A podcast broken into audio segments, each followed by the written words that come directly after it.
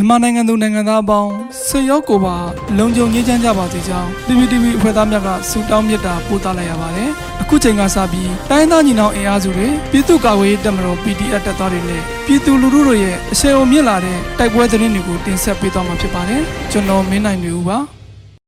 ။ပထမအဦးဆုံးအနေနဲ့ပလဲတွင် PDF များရဲ့ဝိုင်းဝန်းပိတ်ဆို့တိုက်ခိုက်မှုကြောင့်စစ်ကောင်စီတပ်ဖွဲ့ဝင်23ဦးသေဆုံးတဲ့သတင်းတင်ဆက်မှာပါ။စကိုင်းတိုင်းပလဲမြို့နယ်အတွင်းရှိ အကြမ်းဖက်စစ်ကောင်စီတပ်များနဲ့ပလဲပြည်သူ့ကာကွယ်ရေးတပ်ဖွဲ့ဝင်များဒီဇင်ဘာလ23ရက်နေ့တိုက်ပွဲဖြစ်ပွားရာစစ်ကောင်စီတပ်ဖွဲ့ဝင်23ဦးသေဆုံးကြောင်းသိရှိရပါတယ်။ပလဲမြို့တောင်ဘက်ရှိကံမောက်ရွာနဲ့ညောင်ကုန်းရွာအနီးတွင်ယမန်နေ့ဒီဇင်ဘာလ23ရက်နေ့နနက်3နာရီဝန်းကျင်ခန့်ကဘုန်းနဂဥဆောင်နဲ့ပလဲပြည်သူ့ကာကွယ်ရေးတပ်ဖွဲ့နဲ့အကြမ်းဖက်စစ်ကောင်စီတပ်တို့တိုက်ပွဲဖြစ်ပွားရာ စစ်ကောင်စီတပ်သား20ကျော်တဲ့မနေ့သေဆုံးပြီး10ဦးပြစ်ဒဏ်ရရှိခဲ့တယ်လို့သိရှိရပါတယ်။တိုက်ပွဲပြစ်ဒဏ်စွာဖြစ်ပွားပြီးစစ်ကောင်စီတပ်သားများထိခိုက်သေဆုံးမှုများခဲ့တဲ့ဖြင့်အကြမ်းဖက်စစ်တပ်မှတိုက်ခိုက်ရေးရရင်များဖြင့်ပစ်ခတ်ခဲ့တော်လဲပလဲပြည်သူ့ကာကွယ်ရေးတပ်ဖွဲ့ဝင်များ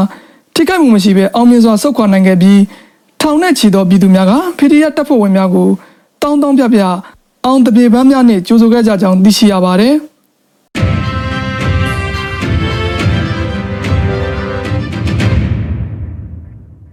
ဆက်လက်ပြီးမုံညစ်ခရိုင်ခမရ383နဲ့384တရင်ကို KIA နဲ့ PDF ပူးပေါင်းတပ်ဖွဲ့ကဝင်ရောက်သိမ်းပိုက်ရှင်းလင်းခဲ့တဲ့သတင်းတင်ဆက်မှာပါကချင်ပြည်နယ်မုံညစ်ခရိုင်ကညင်မြိုင်ကျွော်အနီးစက်ကောင်စီတပ်များအခိုင်အမာတပ်ဆွဲတပ်ချထားတဲ့စမော်ခမရ383နဲ့384တရင်ကို KIA နဲ့ PDF ပူးပေါင်းတပ်ဖွဲ့ကယနေ့နေ့နဲ့3နာရီအချိန်တွင်ဝင်ရောက်သိမ်းပိုက်ရှင်းလင်းကြောင်းကချင်သတင်းရင်းမြစ်များထံမှသိရှိရပါတယ်မုံညစ်ခရိုင်စက်ကောင်စီတပ်ရဲ့ စမော်ခမရ383 384တရင်များကို KIA နဲ့ PDF ပူးပေါင်းတပ်ဖွဲ့ကယနေ့နေ့နဲ့3နိုင်နဲ့4နိုင်ကြာတိမ့်ပိုက်ဖျက်ဆီးခဲ့ကြောင်းတရင်ကိုဝင်ရောက်ရှင်းလင်းစဉ်လက်နက်များကိုတင်ဆီးခဲ့ကြောင်းစစ်ကောင်စီဘက်မှအထိကိအသေးဆုံးများရှိခဲ့ကြောင်းသိရှိရပါတယ်။အဆိုပါတပ်စခန်းများတိမ့်ပိုက်ရှင်းလင်းမှုနဲ့ပတ်သက်ပြီးစစ်ကောင်စီရော KIA နဲ့ PDF ဘက်ကပါတစုံတရာသတင်းထုတ်ပြန်ခြင်းမရှိသေးပါဘူး။အဲဒီနောက်ယနေ့နေ့နဲ့9နိုင်အချိန်မှစတင်ပြီး ဆေးရရင်များမွန်းညင်းဘက်သို့ပြန်သက်လာကြောင်းဒေသခံများထံမှသိရှိရပါတယ်။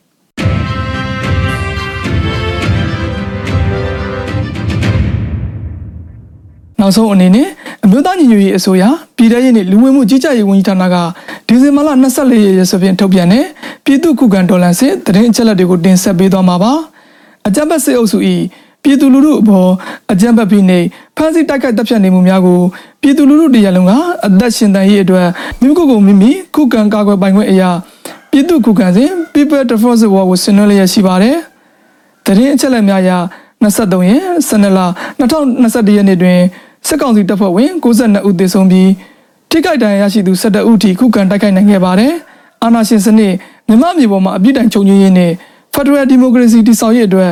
ငြိမ်းချမ်းစွာဆန္ဒပြသည့်လူထုတပိတ်တိုက်ပွဲများကပြည်내နှင့်တိုင်းဒေသကြီးများမှာဖြစ်ပွားပေါ်ပေါက်လျက်ရှိပါတယ်။မြေပြင်မှာယခုတွေ့ရှိရတဲ့သတင်းအချက်အလက်များတဲ့ပုံမှုဖြစ်ပွားနိုင်ပါတယ်ခင်ဗျာ။ရေတော်ဘုံအောင်ရမည်ရေတော်ဘုံအောင်ရမည်